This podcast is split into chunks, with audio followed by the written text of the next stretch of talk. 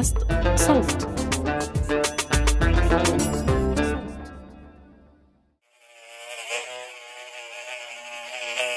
الدرون تعني صوت الطنين. فبحكي لك يعني هو هي اسمها الأصح unmanned aerial system. نظام جوي بدون طيار. ولكن آه، اللقب العام اللي طلع عليها أو الاسم اللي أطلق عليها درون نسبة إلى صوتها. فحتى النحل بيوصفوا صوته as the drone فبالتالي هذا هو آه، الاسم اللي تعارف عليها. هي بالمحصلة آه، طائرة مصغرة ومسيرة بدون طيار. كثير منا شاف أو لعب بسيارات ال remote control. بنمسك هالإيد ومنبلش نسابق بالسيارة ونخبط بالحيطان وغيرها من مجسمات موجودة بالطريق. وهلأ مؤخرا صرنا نشوف طائرات صغيرة بدون طيار أيضا بتطير بطريقة مشابهة. أنا شخصيا لسه ما طرت وحدة بس شفتهم أكثر من مرة وكمان أكيد بشوفهم بالأفلام.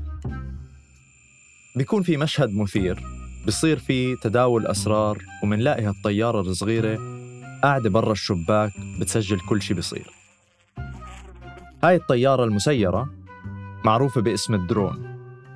واليوم كتير شركات عم بتشوف كيف ممكن تستخدم هالاختراع عشان تحسن بالخدمات اللي عم بتقدمها. بحلقة اليوم رح نستكشف كيف ممكن نستفيد من طائرات الدرون في العمل البيئي.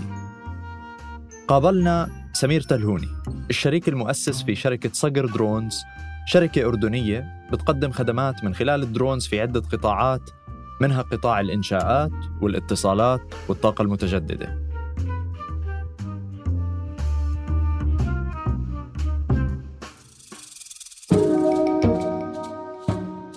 بعد سبع سنوات من شغلي بمجال البيئة والتنمية الحضرية لاحظت أنه لساتنا محتاجين نحكي عن البيئة ونناقشها خاصة أنه المحتوى العربي بهذا المجال محدود. من هون انخلق هالبودكاست. أنا علي عطاري وهذا الموسم الثاني من بودكاست مد جزر اللي رح يتوسع في الحوار حول العلاقة بين الإنسان والبيئة وأهميتها في توازن كوكبنا. هذا العمل من إنتاج صوت بالتعاون مع مؤسسة فريدريش إيبرت.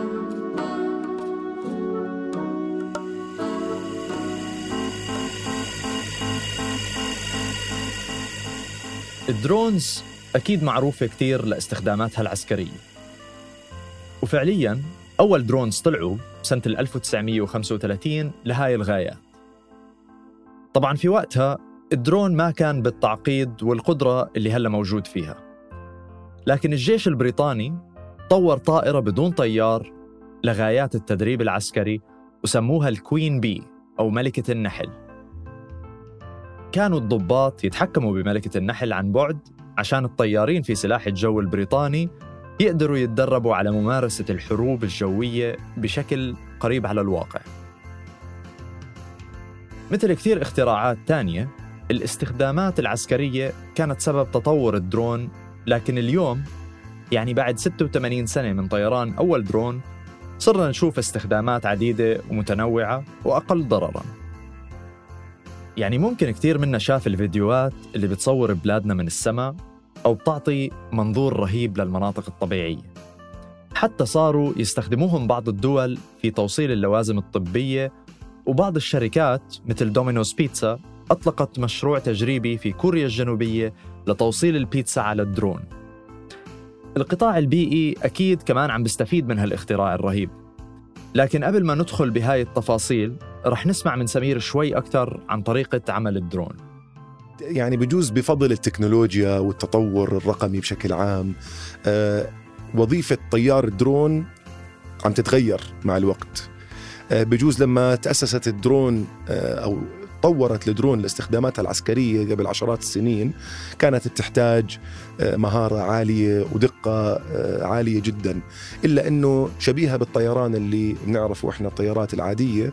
أصبح اليوم الطيار دوره يكون دقيق يعرف شو في حواليه يدرس ال risk بشكل كامل.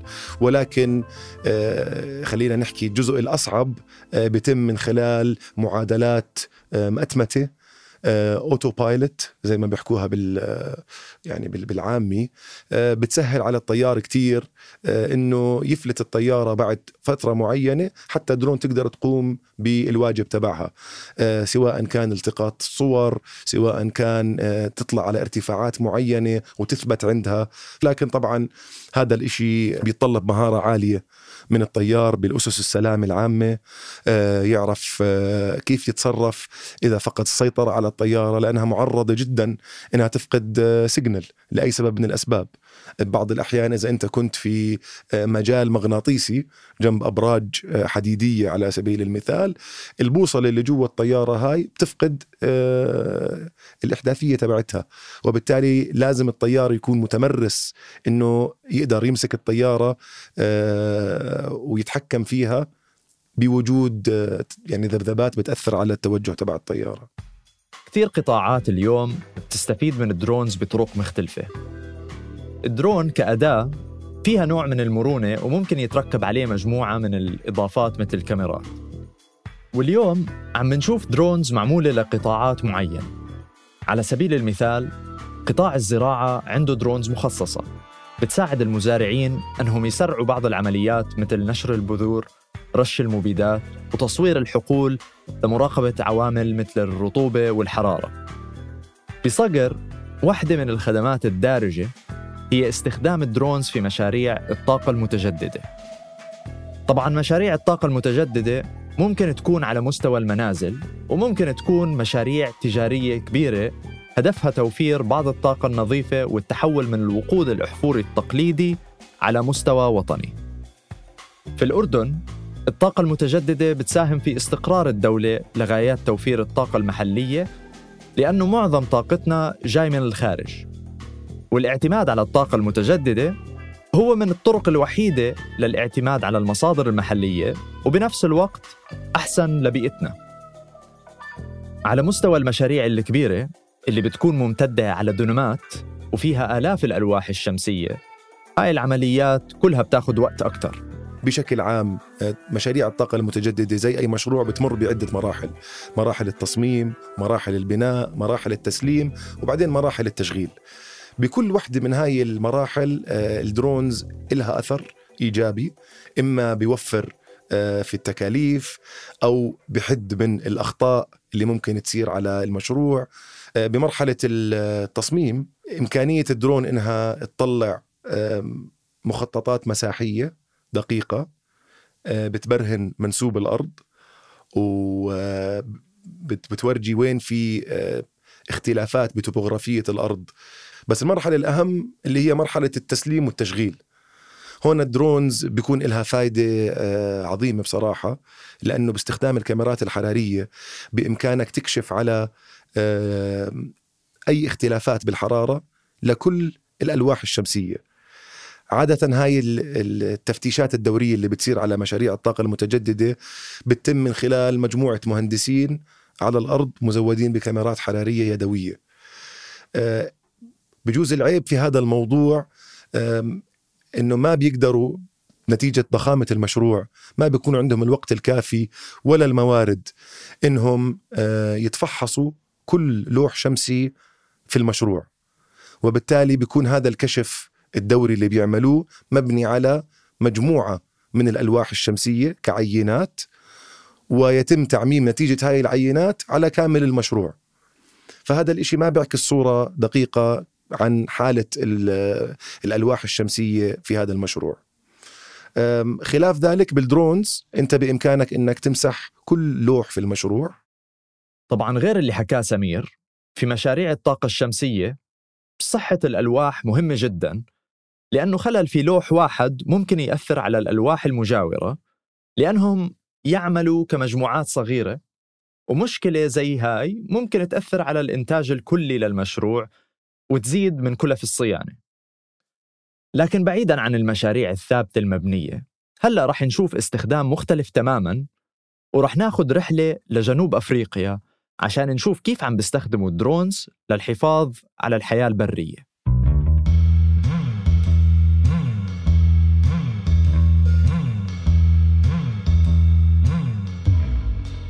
ربما سمعتوا عن الصيد الجائر لوحيد القرن في بعض الدول الأفريقية.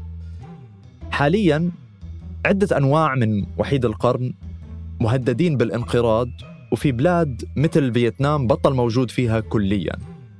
والسبب الرئيسي لهاي المشكلة هي الصيد الجائر.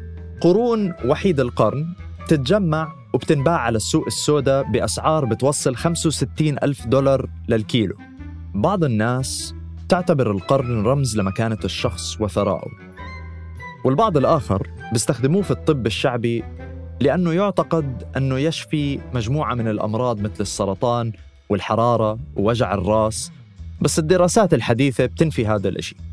الصيادين بيكونوا عادة جزء من عصابات كبيرة وبدخلوا على المحميات والمناطق البرية فعليا مهيئين لحرب.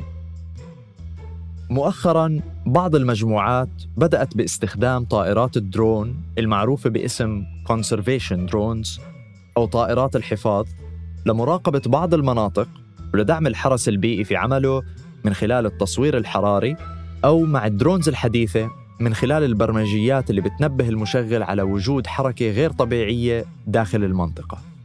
يعني ال drones قادرة إنها تعمل geofencing على أماكن معينة وإذا ال drones عم بتراقب آه، حدود آه، مزرعة أو غابة أو ايا كان بإمكانها إنها آه، تنبه المستخدم أو المشغل لما يطلع أي كائن أو سيارة أو جسم متحرك يتحرك خارج حدود البيئة هذه.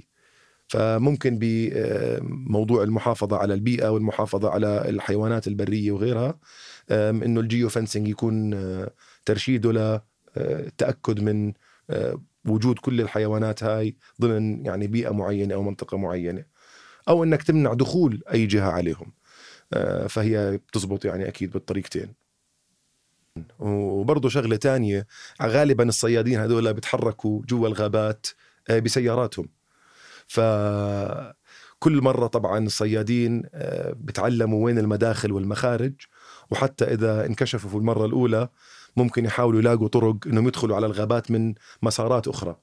آه، الدرونز دقتها العالية آه، ممكن في يعني كثير من الأيام خلال ساعات النهار تقدر تتبع على أثر المركبات أو أثر عجال السيارة.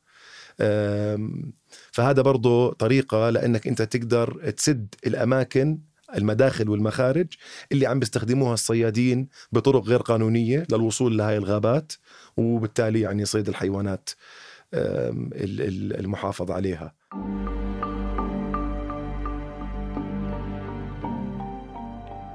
حكينا من قبل عن آثار التغير المناخي وكيف العالم عم بيشهد زيادة في حرائق الغابات وغيرها من ظروف مناخية متطرفة. خلال حرائق الغابات النيران بتنتشر بسرعة مع قوة واتجاه الرياح وبتلتهم أي إشي في طريقها محاربة هاي الحرائق خطر جدا وتنبؤ اتجاهها صعب على سبيل المثال في بعض الحرائق اللي صارت مؤخرا في الجزائر. الحرائق أخذت أرواح 90 بني آدم منهم 33 من أركان الجيش اللي كانوا عم بيساعدوا في عملية الإطفاء. الآن بعض الدول مثل أمريكا وأستراليا وتركيا بدأت باستخدام الدرون خلال عمليات إطفاء الحرائق. تقليدياً فرق الإطفاء تستخدم الطائرات المروحية أو الهليكوبتر عشان يكشفوا المنطقة. وفرق الإطفاء بتحاول تحد من انتشار الحرائق وتساعد الناس العاليين. الدرون كتير بيسهل هاي العملية لأنه أولاً ما بيعرض الطيارين للخطر وبفضل التكنولوجيا والتصوير الحراري بسمح أن ناخذ نظرة أحسن على المناطق الساخنة ومصادر الحرائق. كل الأجسام تنتج أشعة ومعظمها ما بنقدر نشوفها بالعين المجردة. الحساسات والكاميرات اللي مركبة على الدرون بتشوف الأشعة تحت الحمراء مثل ما نحن بنشوف الضوء العادي وبتعطينا فكرة منيحة وين أكثر المناطق سخونة لأنها بتحول هاي الصور لألوان بنقدر نشوفها بعيننا. الحلو بهاي التكنولوجيا أنه بنقدر نستخدمها مع الدخان والغلاف الأخضر الموجود في الغابات ولسه بنحصل على فكرة واضحة شو عم بيصير داخل الغابة. التصوير الحراري بسمح للمشغلين أنهم يشوفوا فرق بين الحرارة الموجودة في الصورة. فالنيران مش دايما واضحة حتى من فوق لأنه بيكون في دخان كتير ومدى الضرر ما بيكون واضح. وهاي التكنولوجيا بتساعد أنهم يعرفوا أكثر شو عم بيصير تحت الغلاف الأخضر. فالدرون لها أثر كبير بمكافحة الحرائق وممكن أهمها المحافظة على الأرواح. يعني بدل ما آه، الجهات المعنية بالبحث والإنقاذ تبعت شبابها لداخل الحريق وهم ما عندهم آه، أي فكرة عن حجم الحريق ومداخله ومخارجه وحدوده. أصبحوا الآن يطلعوا الدرون بالبداية استخدام الدرون كأداة للاستطلاع لفهم مصدر الحريق وتمركزه وحدوده. بالإضافة الدرون بإمكانها أنها تلتقط مجموعة من الصور والفيديوهات بشكل سريع جدا. وب resolution عالي اللي بمكنهم أنهم يقدروا ينتجوا خرائط real time بالوقت نفسه. هاي الخرائط بإمكانك بعدين تنقلها لجميع الأجهزة اللي معنية بمكافحة الحريق إما لنقل آه، المتضررين إذا في متضررين إنك تدخل سيارات مكافحة الحريق. فبالتالي ال drones بتعطي آه، وعي كامل على آه، حجم الحريق وحدوده وبتمكن الفرق هاي من إنها تعرف تخمد الحريق وتتجه له بشكل آمن بدون ما يخاطر على حياة الناس. الدرون كمان بقدر ما بيقدر أو أهميته لمكافحة الحريق بإمكانه برضه إنه يمنع الحريق من إنها تصير أساسا. ف مع التغير المناخي اللي عم بيشهده العالم المهم إنه الدرون تستخدم بشكل دوري للكشف على الغابات ودراسة حاله الأشجار من خلال استخدام حساسات زي ال NDVI sensors. هاي بإمكانها تمييز الأشجار الجافة على سبيل المثال. وتعرف لك الأماكن المعرضة لأنها تلتقط للحريق أساسا. فبالتالي كإجراء احترازي بإمكانك اليوم إنك تتعامل مع مع الأشجار الجافة أو المعرضة لالتقاط الحريق عن غيرها. سمعنا كثير خلال هالحلقة عن التصوير الحراري والحساسات والبرمجيات. جزء أساسي من استخدام الدرونز كأداة داعمة للمشاريع وفرق الإنقاذ وغيرها هي قدرة الدرون على تجميع المعلومات من خلال الأدوات المختلفة اللي بتركب عليها. هاي المعلومات مش شرط نستفيد منها بشكلها الأولي لأنه ممكن يكون الدرون ملتقط آلاف الصور وممكن يكونوا صور حرارية أو يستخدموا حساسات مختلفة بتساعد على تمييز بعض الصفات مثل نسبة الجفاف في الغابات في حالة تقييم الأشجار أو في وضع حدود رقمية في حالة ال geofencing اللي حكى عنها سمير. من خلال تحليل البيانات واستخدام البرامج المختلفة كل هاي المعلومات بصبح إلها معنى أكبر وبيعطي المستخدمين قصة مكتملة بيقدروا أنهم يطلعوا باستنتاجات معينة. بمعنى آخر هاي الأدوات الرقمية مكملة لقدرة الدرون على توفير فوائد لمستخدميها. تقدر تفكر فيها كمراحل. عندك أول مرحلة اللي هي مرحلة جمع المعلومات ال data collection تطلع الدرون على مكان ما وبتاخذ مجموعة من الصور وتكون مجموعة يعني كبيرة كتير من الصور آه، حتى تقدر آه، تلتقط كل التفاصيل اللي في هذاك الموقع. ببعض المشاريع بيكون في معنا بمحصلة بنهاية المشروع بيكون في معنا فوق ال 400 ألف صورة للمشروع الواحد. ولكن هاي الصور كلياتها طبعا ممتازة إذا كنت بدك أنت آه، يعني رؤية visual إنك تعرف بشكل عام شو اللي عم بيصير. يعني بفضل الذكاء الاصطناعي والتعلم الآلي زاد من القيمة المضافة اللي بتزودها ال drones باستخداماتها المختلفة. يعني مع إنه الصور والفيديوهات بحد ذاتها من الدرون بتعطيك نظرة بجوز ما كانت تصح لنا أول إلا من خلال استخدام طائرة مروحية أو هليكوبتر. ولكن آه، برضو في آه، أمور إضافية آه، بتثري من الصور اللي اتاخذت من خلال برامج تحليل البيانات ومعالجتها بحيث إنها بتجمع كل هذه الصور بطريقة مؤتمتة ومن ضمن الجوريثمز معينة.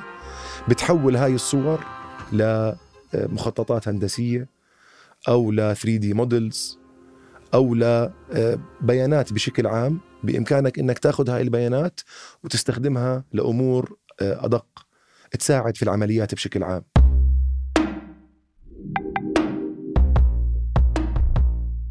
امتلاك الدرون أكيد مش سهل.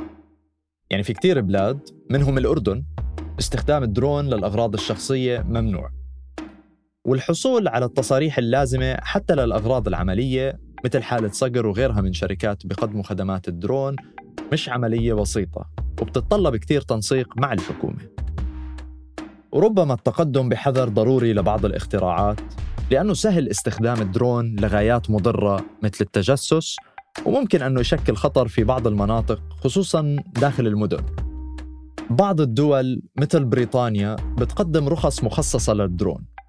وهذا متطلب لطيران الدرون داخل الأراضي البريطانية ويجب تسجيل كل درون لغايات الأمان أكيد في ضرورة أنه يصير في بعض التشريع بهذا الشأن لأنه كمان بعض المناطق غير واقعي نصير نشوف drones طايرة فيها مثل المدن والأحياء السكنية. لكن بنفس الوقت ربما طيران الدرون في نص الصحراء ما بشكل خطر كبير.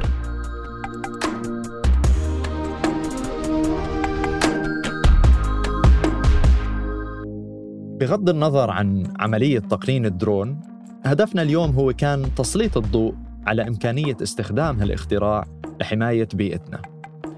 سواء كنا بدنا نكشف على مزارع الطاقة الشمسية ونفحص الألواح أو بدنا نتبع الدلافين في نهر الأمازون الدرون تعتبر أداة مفيدة وممتعة في تسهيل حياتنا على هذا الكوكب وفي تحقيق تنمية مستدامة تراعي مناخنا.